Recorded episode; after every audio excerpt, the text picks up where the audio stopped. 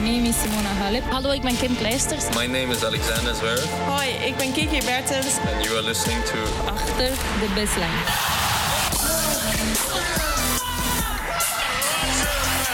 Your champion, Novak Djokovic. Dit is Achter de Baseline. Vanuit Flushing Meadows. Met Abe Kuil en David Avakian.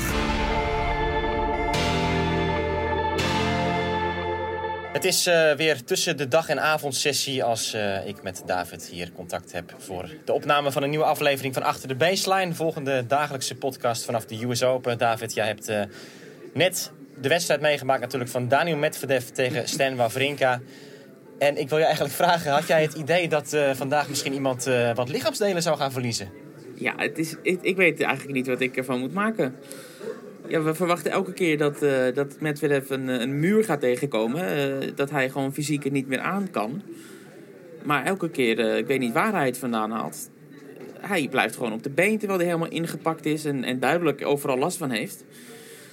Ja, het, is een wonder. Hij pakt vandaag Stan Wawrinka in, in vier sets. Hè. Weer een viersetter, elke keer. Misschien dat dat een belangrijke rol speelt. Dat hij op geen enkel moment echt tot een vijfzetter is gedwongen. Maar hij komt gewoon weer hierdoor en staat in de halve finale van de US Open. Ja, je zegt zelf, ik weet niet waar hij het vandaan haalt. Uh, volgens mij weet Medvedev zelf ook niet echt waar hij het vandaan haalt. Hè? Hij moest weer een aantal pijnstillers nemen vandaag. Er was een medical time-out in de eerste set. En um, ja, op overlevingskracht hield hij het vol. Tot hij eigenlijk in die vierde set zich het best van de dag begon te voelen. Ja, toen de pijnstillers gingen werken. Ja, dat is uh, natuurlijk... Vaak zien we spelers pijnstillers uh, innemen. En een tijdje daarna op het moment dat ze dus daadwerkelijk gaan werken, echt goed weer spelen. Nou, dat, dat gebeurde en hij, hij sprak uit uh, na afloop hè, dat hij voelde alsof hij een scheurtje had in zijn in bovenbeen. Uh, nou, als dat echt zo is, dan, ja, dan is dat natuurlijk veel vervelend. En dan komt daadwerkelijk die muur misschien tevoorschijn als hij met een spierscheuring zit. Um, maar ja, wat, wat ik er verder over kan zeggen, ik zat naar die wedstrijd te kijken en het was een soort masterclass van energiemanagement ook. Want heel vaak ging hij er echt voor op de momenten dat het moest, vroege break. En liet hij het lopen op momenten dat het niet hoefde. En, en Wawrinka, die, die, die, die was gewoon buitengewoon uh, ja, gestoord eigenlijk door, door dat rare gedrag van zijn tegenstander. En we horen spelers natuurlijk altijd zeggen dat het ontzettend lastig is om te spelen tegen iemand die, die een blessure heeft. Omdat je dan veel meer rekening gaat houden met de tegenstander dan met je eigen spel. Nou ja, die indruk kreeg ik vandaag ook. Wawrinka zat vol twijfel. Ja, maar ja, goed. Uh, ja, het is natuurlijk, Wawrinka is dan wel typisch zo'n speler die, die dan eigenlijk een soort kortsluiting krijgt in zijn hoofd. Hè? Want je, iedereen verwacht van tevoren, oh ja, Medvedev die is leeg. Nou is het, uh, zijn tegenstander die gaat sowieso winnen. Maar dan heb je precies Wawrinka, die dan waarschijnlijk te veel gaat nadenken ook daarover. 100%. En Medvedev, Medvedev haalde het ook aan hè, in zijn interview na afloop op de baan. Die zei ook van ja, ik weet hoe moeilijk het is om tegen een geblesseerde speler te spelen. En ik, ik, hè, volgens mij had Standard ook inderdaad een beetje uh, dat gevoel van uh, wat moet ik doen en, uh, en dat soort dingen. Um, ja, dus dat is natuurlijk voor Wawrinka een enorm gemiste kans ook tegelijkertijd, deze partij. Ja, hij, hij zag het zelf niet zo, overigens, uh, achteraf in de persconferentie. Wawrinka die, die zei, ja, wat heb ik ermee te maken dat hij ergens last van heeft? Het is gewoon... Uh, ik was gewoon niet goed, ik bewoog niet goed, ik, mijn ritme was er niet. Maar ja, hij, hij kreeg het... hij, kwam niet zo ver dat hij toegaf dat het door Medvedev kwam. Dat hij niet in zijn, in zijn spel geraakte. Maar ja, dat is toch uh, onvermijdelijk. Dat, dat, komt natuurlijk gewoon door, uh, door Medvedev, grotendeels. Ook door het spel, hè? want de, de verschillende tempo's die hij aanhaalt, de vlakke backhand. En... Ja, het, is een, een, unieke speler. Ja, en het is natuurlijk gewoon zo dat wat er ook gebeurt verder in het toernooi met Medvedev... hij heeft een zomer die we eigenlijk al jaren niet meer hebben gezien. Uh, bij de mannen en de vrouwen natuurlijk. Hè? Dat, dat zoveel wedstrijden spelen, zoveel succes boeken. Uh, hij begon in Washington met de finale, verloor hij van Kyrgios. Hij verloor, uh, haalde de finale in, in Canada, waar hij verloor van Nadal. Finale Cincinnati wist hij te winnen, zijn eerste Masters titel. Nu dus zijn vierde toernooi van de zomer op de Noord-Amerikaanse hardcourts. En er staat ook alweer een halve finale bij deze US Open. Het is echt... Hij, hij speelt het maximaal aantal wedstrijden gewoon, ja. bijna. Ja, en het, en het heeft hem uh, nu ook opgeleverd dat hij nummer 4 van de wereld gaat worden. Uh, en hij is gekwalificeerd voor de World Tour Finals als vierde speler achter de, de grote drie. Dus ja, dat, dat is uh, waanzinnig. En vooral die drie aansluitende weken die je noemt. Hè. Er zat ook geen, geen week tussen, tussen Washington, Canada en Cincinnati. Ja, Wat je zegt, toen één, is... week, één week daarna natuurlijk. Voor de, voor de US Open, ja. Maar die, maar die eerste drie die zaten echt aansluitend. En dat is ja, dat is, zoals je zegt, dat is ongekend. Echt exceptioneel, eh, inderdaad. Ehm, David, even doorgaan op het onkort interview. Want dat was eh, de laatste twee wedstrijden natuurlijk eigenlijk het hoogtepunt nog van, eh, van de optredens van Medvedev, die baaninterviews. Ehm, je merkte dat de interviewer Tom Rinaldi weer een beetje zat te sturen richting die band met het publiek. Er gingen vragen over van als je de mensen nu wat kon zeggen, wat zou je dan willen doen? En, maar dat was natuurlijk nu, hij kreeg een hele andere ontvangst nu van de fans. Hij was in de armen gesloten, min of meer. Ja, er zaten wel een paar fans in het stadion die, die, die boe riepen. Maar niet zozeer omdat ze hem uitfloten, maar gewoon omdat ze het wilden, wilden ja, eh, herproduceren, zeg maar, wat er eerder gebeurde. Eh, maar inderdaad, het was veel, veel aangenamer en vriendelijker. Eh, maar toch, toen hij gevraagd werd om, ja, om in twee woorden aan te geven, zeg maar, boodschap richting het publiek, was het sorry, maar bedankt. Ja, dus dat was een leuk, leuk einde.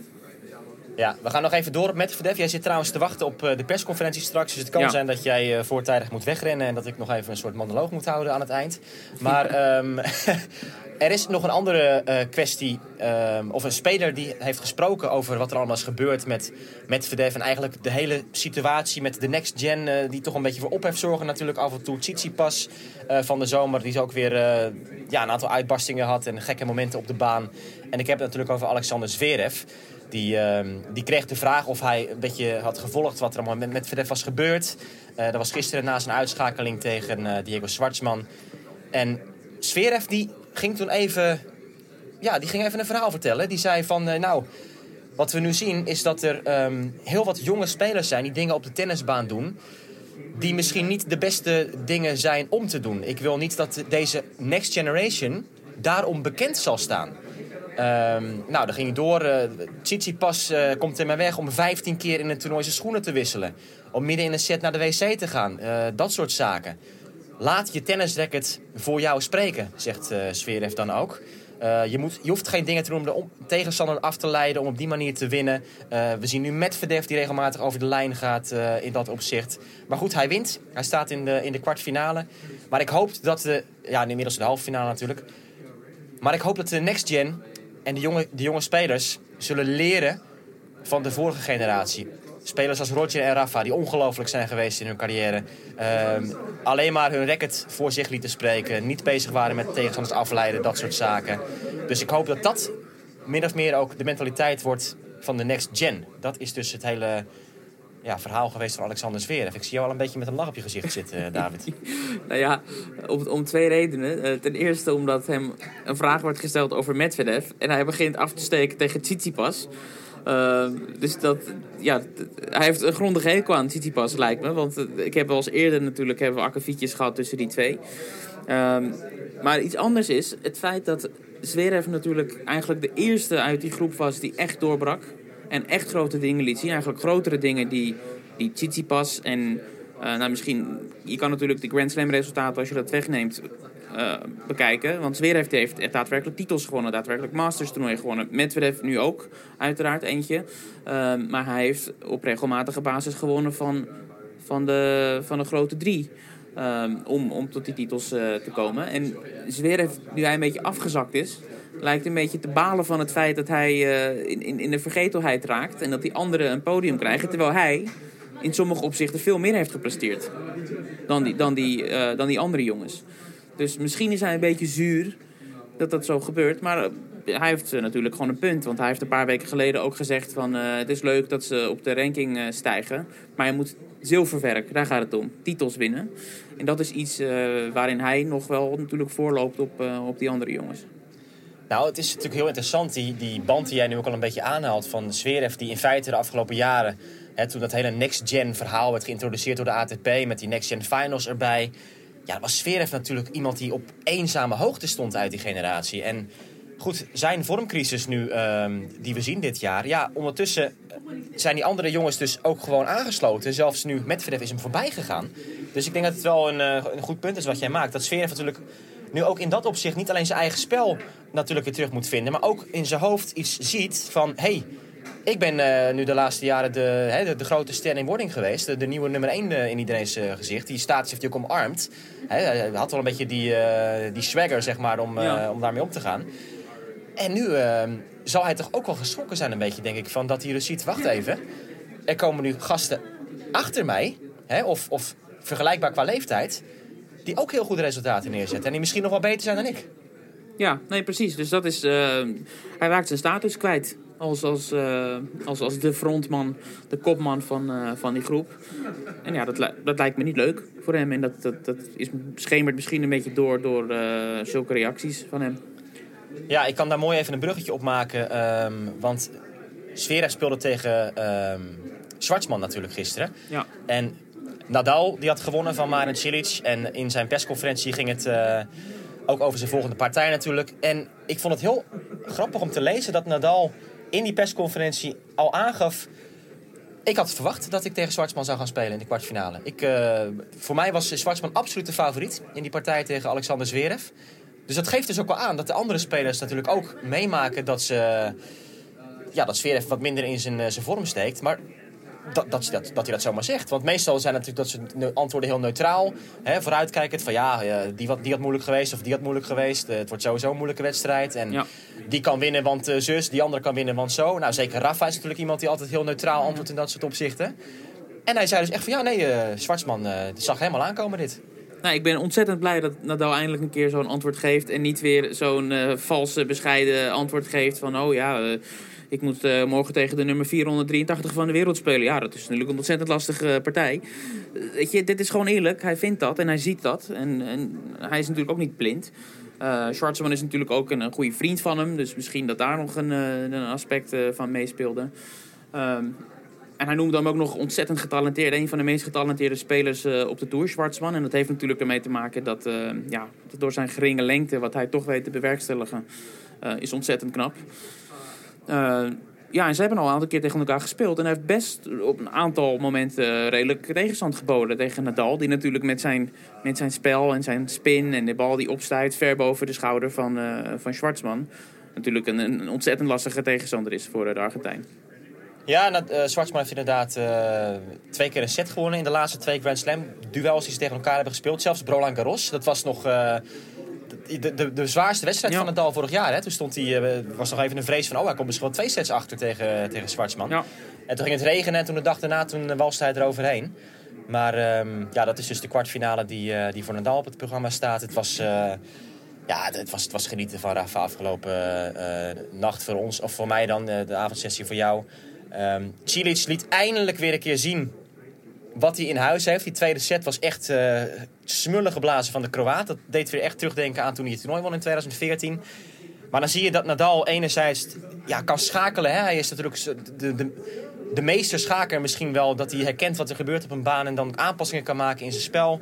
Eh, de returns gingen opeens veel directer richting Cilic. Dus die kon niet meer domineren vanaf de tweede bal. En goed, het enorm hoge niveau zakte ook een beetje weg bij, eh, bij de Kroaat. Maar het werd een, eh, ja, een prachtige avond. En het is, het is grappig om te zien dat Nadal natuurlijk New York voor Nadal... Ja, dat staat natuurlijk eigenlijk zo ver mogelijk weg van Mallorca en de, de prettige, rustige sfeer die hij altijd eh, nodig heeft. En waar hij zich fijn in voelt. Maar op de baan, dat herhaalt hij altijd. Ja, de energie die, die natuurlijk van het publiek komt in het Arthur Ashe Stadium, in zo'n night session. Ja, hij zegt dat is ook precies wat aansluit op mijn persoonlijkheid. Hè? En dat, dat gebruikt hij dan ook in die, in die partijen. En eh, ja, dat zag je in die derde, vierde set. Nou ja, het, het was echt Nee, ja. eh, ongelooflijk. Ja. Ja, goed. Het, het feit dat, dat je eigenlijk al met, met twee benen in de volgende ronde staat... en dan op het laatste moment nog een bal slaat en dat viert alsof, je, alsof het een spannend moment in de wedstrijd is. Ja, maar dat was de bal van het toernooi. David. Kom was, was, was een mooie bal natuurlijk. Ik heb het over die, die bal langs de netpaal. Eh, maar ja, toch weet je, er is natuurlijk geen enkele twijfel op dat moment dat hij die wedstrijd eh, gaat winnen. Maar ik, dat sluit aan Nee, op... maar die- dat, dat zeg jij. Maar dat is, dat is natuurlijk ook wel de kracht van Nadal. Die, die denkt bijna niet zo. Nou, maar die heeft... En- en- ja, dat, goed dat je dat zegt. Dat wilde ik eh, ook aangeven. Want ik zat erover na te denken van... Ja, wat beweegt eh Nadal ertoe dat hij die intensiteit zo non-stop altijd vast weet te houden? Ik denk dat hij zijn, zijn mentaliteit, zijn gedachtegang... gewoon door de jaren heen heeft gemanipuleerd. Dat hij er daadwerkelijk in is gaan geloven... dat elke tegenstander een ontzettende bedreiging voor hem vormt. En dat hij dus moet spelen Nou, op 100%. 150%. Maar 100 dat is natuurlijk niet zo. En als je er gewoon logisch bij nadenkt, dan is niet elke tegenstander eh, Maar Nadal die is, die is, dat, die is daarin gaan geloven daadwerkelijk. En die Ja, heeft dat, dat, is, dat is zijn carrière geweest. toch? Ja. Dat, en, en dan kom ik terug op wat jij zei, want jij zegt valse bescheidenheid. Maar ik, ik, geloof, ik geloof oprecht dat Nadal in zijn hoofd prent, hè, wat jij nu zegt. Ja, er kan altijd wat gebeuren. En we weten, Nadal is van nature toch best wel een angstig persoon. Hè? Als je zijn, zijn biografie leest en zo ook, eh, de, de verhalen over als hij gaat autorijden. Dat, dat, eh, ja, dat zijn zus niet naast hem wil zitten in de auto. Omdat Rafa zo, zo panisch is en zo bang van... Oh ja, ik eh, moet even rustig aandoen en vier keer links-rechts kijken voor, voor ik ga rijden. Want wie weet wat er allemaal op mijn pad komt. Hij is bang in het donker. Als, het, als het onweert, dan voelt hij zich onprettig. Dat soort zaken allemaal. Dus, dus dat, soort- dat soort Ja, dingen heeft hij ja. allemaal in zijn hoofd zitten. Dus dan is het heel logisch als je dat doortrekt naar hoe hij is als tennisser... en hoe hij naar zijn tegenstanders kijkt. Ja, dan, dan past het helemaal in het plaatje natuurlijk.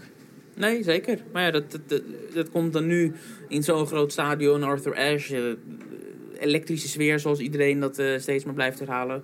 Eh, past hij daar daadwerkelijk wel heel, heel mooi in, zoals je begon net te zeggen. Ander dingetje, David. Nadal won in 2017 de US Open. Hoeveel wedstrijden heeft hij daarna nog verloren op hardcourt, denk jij? Ehm, nou, niet veel. En dan heb ik het over wedstrijden waarin hij niet opgaf. Nou, in natuurlijk gaf hij op eerder dit jaar. Of eh, trok hij zich terug. Miami speelde hij denk ik eh, helemaal niet. Nee, meer. Ehm, Cincinnati speelde hij ook niet. Canada won hij. Nou, ik denk dan geen één. Dat, dat gaat iets te ver. Maar 2017 US Open, ik ga het even doornemen. Hij, verloor, of hij won toen de titel. Daarna speelde hij Beijing ATP 500 toernooi. Oh ja. Won hij ook eh, het toernooi. Vervolgens Shanghai. Eh, finale verloor hij van Roger Federer. Daar had hij toen al last van zijn knie. Het was de laatste wedstrijd van het jaar ook. Hij kon daarna niet meer doorspelen. Eh, maar goed, die tellen we wel als een nederlaag. Was een uitgespeelde wedstrijd. 2018, nul wedstrijden verloren op hardcourt. Alleen een opgave tegen Cilic in de kwartfinale van de Australian Open. Opgave tegen Del Potro, halve finale US Open. Moet worden bijgezegd dat hij alleen Toronto speelde daarna, of daarnaast. Maar dat toernooi wist hij te winnen. Dit jaar verloor hij van Djokovic in de finale van de Australian Open ja, natuurlijk. Dat, eh, dat, dat, dat wist je ook, maar dat maakt niet uit. Ja. Ehm, en Kyrgios in Acapulco. Toen had hij nog drie matchpoints. Verloor hij tiebreak derde set. Ja. En dat was het. Dus dat, dat is toch eigenlijk een soort... eh, Nou, ja, goed, überhaupt natuurlijk. u- Überhaupt heeft hij natuurlijk heel weinig partijen verloren de laatste jaren Nadal. Hè? Dat hij gewoon, als hij fit was, nauwelijks wedstrijden heeft hij echt, eh, die uitgespeeld werden, verloren. Nou, maar dat is eigenlijk een statistiek die, die niet alleen voor hem geldt, maar ook voor die andere twee. Als we ook die winstpercentages erbij pakken van zowel Nadal, maar ook van Federer en Djokovic de afgelopen tijd. Dat zit gewoon allemaal eh, 90 plus procent. Het aantal wedstrijden dat zij op jaarbasis verliezen, dat zit gewoon dik, eh, ja, niet, niet, boven de 10 in ieder geval. Op alle Ja. ondergronden. En, en op, ja, op hardcourt is Nadal natuurlijk eh, heel selectief hè, in wat hij speelt. Dus ja, nee, Nou ontzettend... ja, hij, eh, hij, wil, hij wilde natuurlijk wel meer spelen de laatste jaren. Maar het was dus heel vaak dat hij gewoon opgaves of, eh, of, of last minute terugtrekkingen of zo meemaakte natuurlijk. Ja. Hè? Dat had deels met zijn knieën te maken. Hij was ook eh, af en toe eens een keer ziek of zo in Acapulco, kan ik me herinneren. Ehm, ja, in, Australië is het bijna elk jaar eh, dat er op een gegeven moment iets gebeurt met zijn lichaam. En vorig jaar, dat is natuurlijk een heel groot contrast nu met dit jaar bij de US Open. Vorig jaar speelde Nadal eh, de ene slopende partij na de andere. Tegen Basilashvili, tegen Team, tegen Gatchanov. Dat waren partijen dat hij bij elkaar meer dan eh 12 uur op de baan stond, drie wedstrijden. Ja, en toen was het gewoon klaar. Toen was zijn lichaam op in de halve finale tegen Del Potro. En nu heeft Nadal natuurlijk een, een veel beter scenario voor zichzelf. Dat hij ja, toch vrij fris nog in het toernooi zit. Ja, heel fris. Nog een eh, walkover gehad ook tegen uh, Kokinakis eh, eerder dit toernooi. Dus het is, het is een uniek korte tijd hè, die hij heeft doorgebracht uh, op, op, op de Ja. baan. Want, want, want zelfs de, de, de wedstrijden die Nadal in, in, in drie sets wint, die, die zijn normaal gesproken wel richting de twee uur. Dus uh, ja, nee, dat is alleen maar goed, uh, goed nieuws voor Nadal natuurlijk. We gaan het even uh, over Elina Svitolina hebben, David. Want die heeft uh, vandaag haar tweede halve finale op rij bereikt van een Grand Slam toernooi. En die heeft haar seizoen echt een uh, geweldige impuls gegeven. Na in het hart van het tennisjaar toch grotendeels geplaagd te zijn door een knieblessure. Dan heb ik het over het voorjaar. En dat, ja, dat liep een beetje door nog na Wimbledon bijna. Maar daar was het dus opgelost en toen hadden ze gelijk een heel goed resultaat. Um, wat vind jij van de potentie van Elina Svitolina als we, als we het een beetje breder trekken? Oeh, de potentie van Elina Svitolina.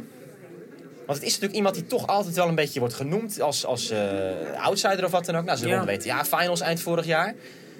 Maar het is, het is niet iemand die geldt als een eh, meervoudig Grand Slam kampioen heel snel. Althans, die komt niet zo snel in de, in de gesprekken voort. Maar het zou niet gek zijn als zij toch ook gewoon wel wat, eh, wat diverse grote titels weet te winnen in haar carrière, denk ik. Ja, ik denk dat de reden daarachter is dat natuurlijk haar spel eh, ja, een soort verdedigende manier van aanvallen is, om het zo maar te zeggen. Ze manoeuvreert graag eh, op of achter die baseline. En ze heeft niet echt vuurkracht. Dat is het, het, probleem van haar ook geweest, denk ik, eh, om, om echt de allergrootste titels te winnen. Ze heeft heel vaak in, in wedstrijden heeft ze momenten dat ze kan uithalen. En dan zit je te kijken naar de defender en denk je, oh ja, nu komt die klap. En dan is het een soort halve, ja, een, een, een halve klap. Ik weet niet of dat bewust is, omdat ze een veiligheid eh, inbouwt in zo'n slag. Of dat ze gewoon simpelweg de kracht niet heeft. Dus dat is denk ik de reden dat, eh, dat men haar niet eh, echt ziet als een bedreiging. Omdat het spel gewoon niet zo indrukwekkend en spraakmakend is. Maar in zekere zin kan je haar natuurlijk wel met een Halep vergelijken, bijvoorbeeld. Ja, maar Halep is, heeft dan toch meer lef. Halep staat dichter op de baseline. Dat Ja. is denk ik een eh, verschil. Dat Svitolina toch de neiging heeft om, om van drie, vier meter achter die baseline Ja. te, te slaan. En- En, en- dan, ja. zie je wel, dan zie je wel dat ze echt soms dat hele... Want dat heeft ze wel, hè, dat ze het hele lichaam in die bal gooit. En dan dit kreunen erbij. En dan, maar dan komt er eigenlijk weinig uit. Ja, precies, precies. dat is een Ja. beetje wat jij ook, eh, En, ook zegt. en veel ballen, ehm, dat is nu dan, nu ze zo goed speelt, is dat beter. Maar lange tijd vielen haar ballen gewoon heel kort altijd. Is, dan, het Ja. inderdaad zo'n hele zwaai en dan landt hij net over de servicelijn. Klopt. Dus dan, ehm, ja. Maar goed, laten we erbij vermelden dat Svitolina een trainingsbeest is overigens. Hè. Het aantal uren dat zij doorbrengt in, eh, in het krachthonk en op de trainingsbaan is denk ik... Ja, eh, behalve als ze ruzie heeft gehad met de KL, toch? ja, dan heeft ze er geen zin in, hebben we geleerd van eh Raymond Sluiter. Dan is een training met Kiki bijvoorbeeld is dan eigenlijk gewoon verloren tijd. Want dan raakt ze geen pepernoot en heeft ze er geen zin in.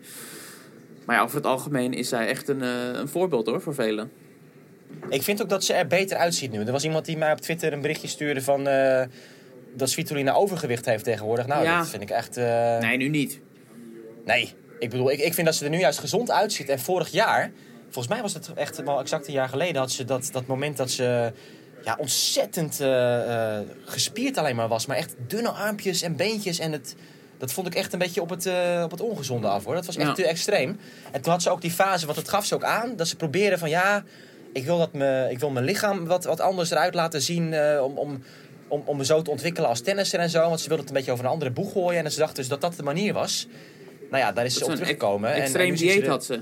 Had ze, hè? Op een gegeven moment. Ja, maar dat ze ook echt op die, die kracht ging of zo. Ja. En, en echt heel, heel eh, tenger werd en zo. En Ja. ik vond het niet, eh, niet normaal.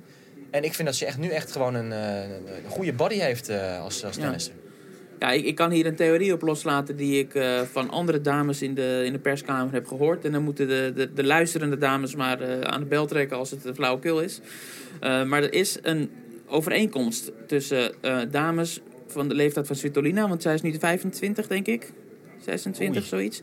En dan hebben we Kvitova, die richting die leeftijd is gegaan. En die ook natuurlijk ja, veel altijd van gezegd werd dat ze ook wat, eh, wat overgewicht heeft. Maar nu eruit ziet, echt ontzettend slank is.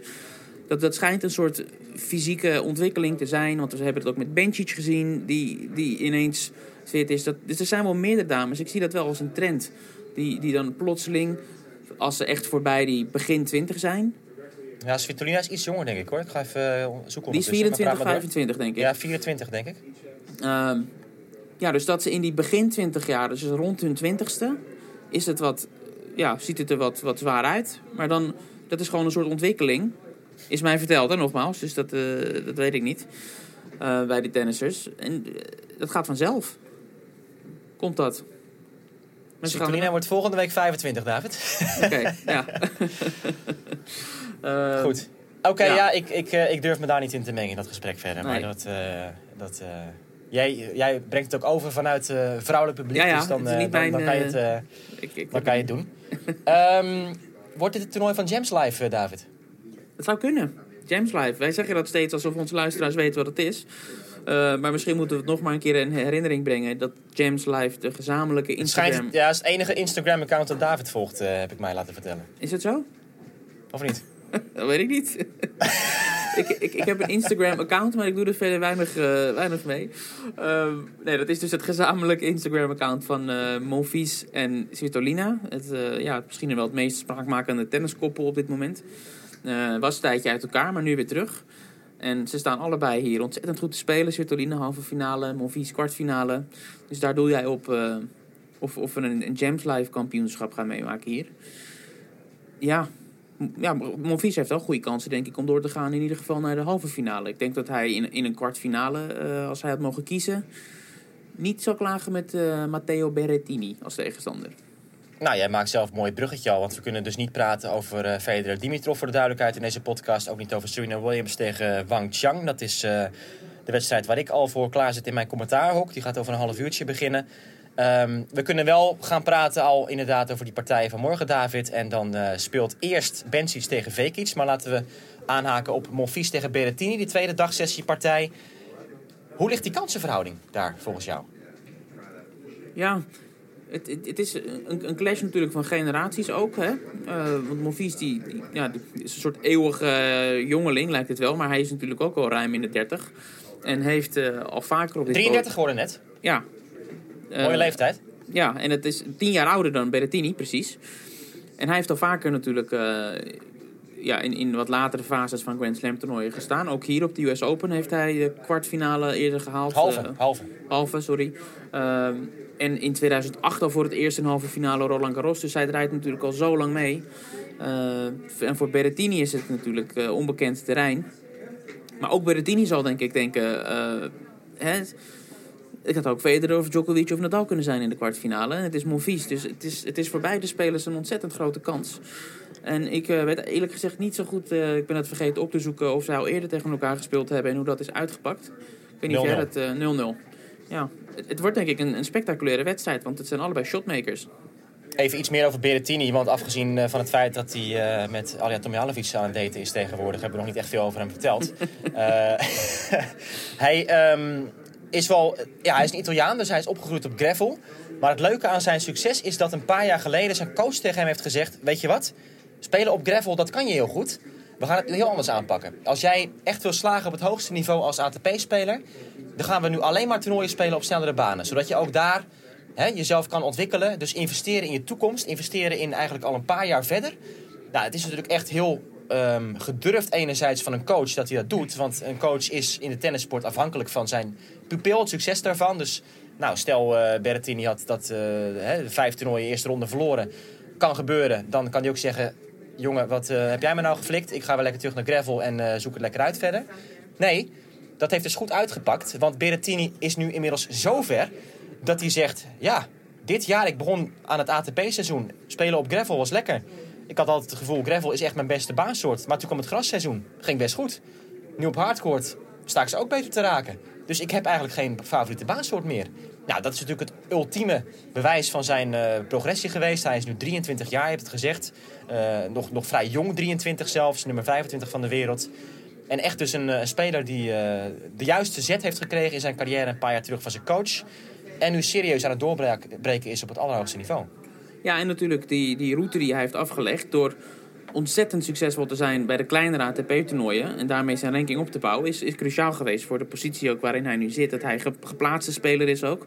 Want hij won natuurlijk eh, het ATP 250 toernooi en had zo'n ontzettend lange eh, winstreeks. Weet je nog? Ook dat hij eh, tussen het, het gravel- en grasseizoen ook dat hij niet gebroken werd. Lange tijd, wedstrijden, to- toernooien, heel toernooi niet gebroken. In Stuttgart geloof ik. Ja, won hij van Kyrgios in de finale? ja, dus dat zijn Of eh, kleine... van, in de eerste ronde won hij van Felix Auger Aliassime in de finale. Ja. Dat, eh, Dus ja. kleine toernooien met wel goede tegenstand.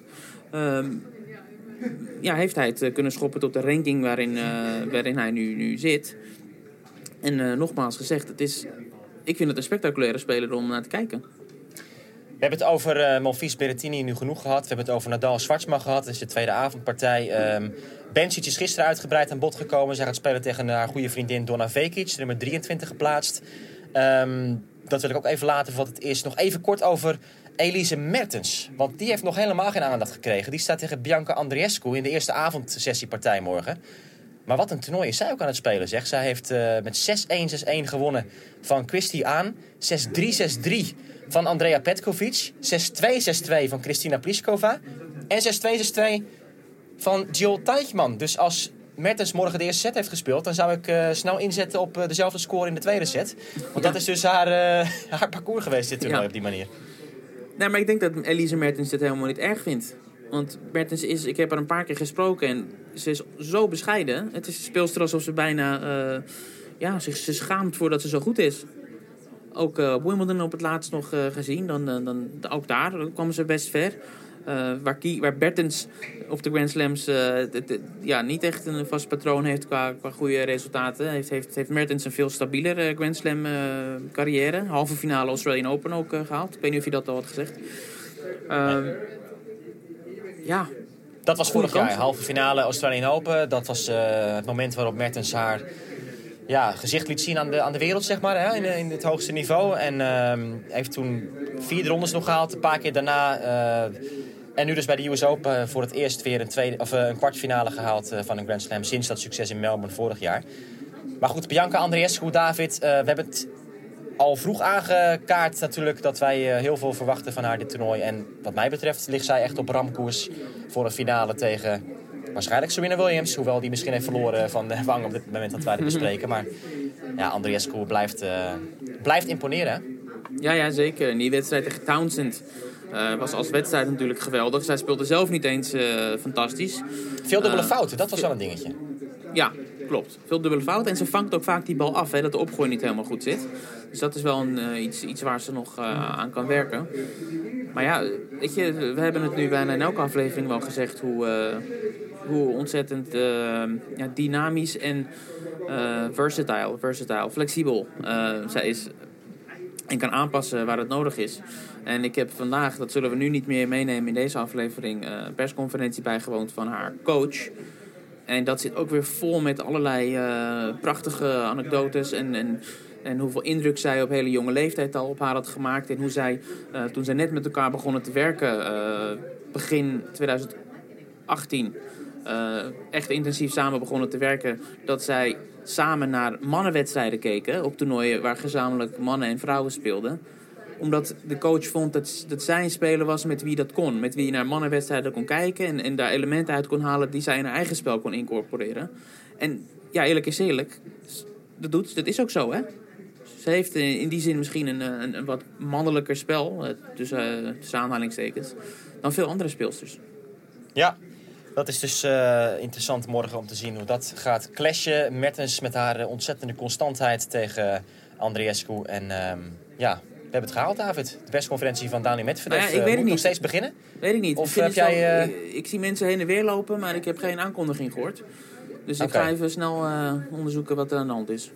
Ja, wij gaan afronden. Wij gaan morgen weer terugkeren met een volgende aflevering van onze dagelijkse podcast vanuit New York. En Graag tot dan.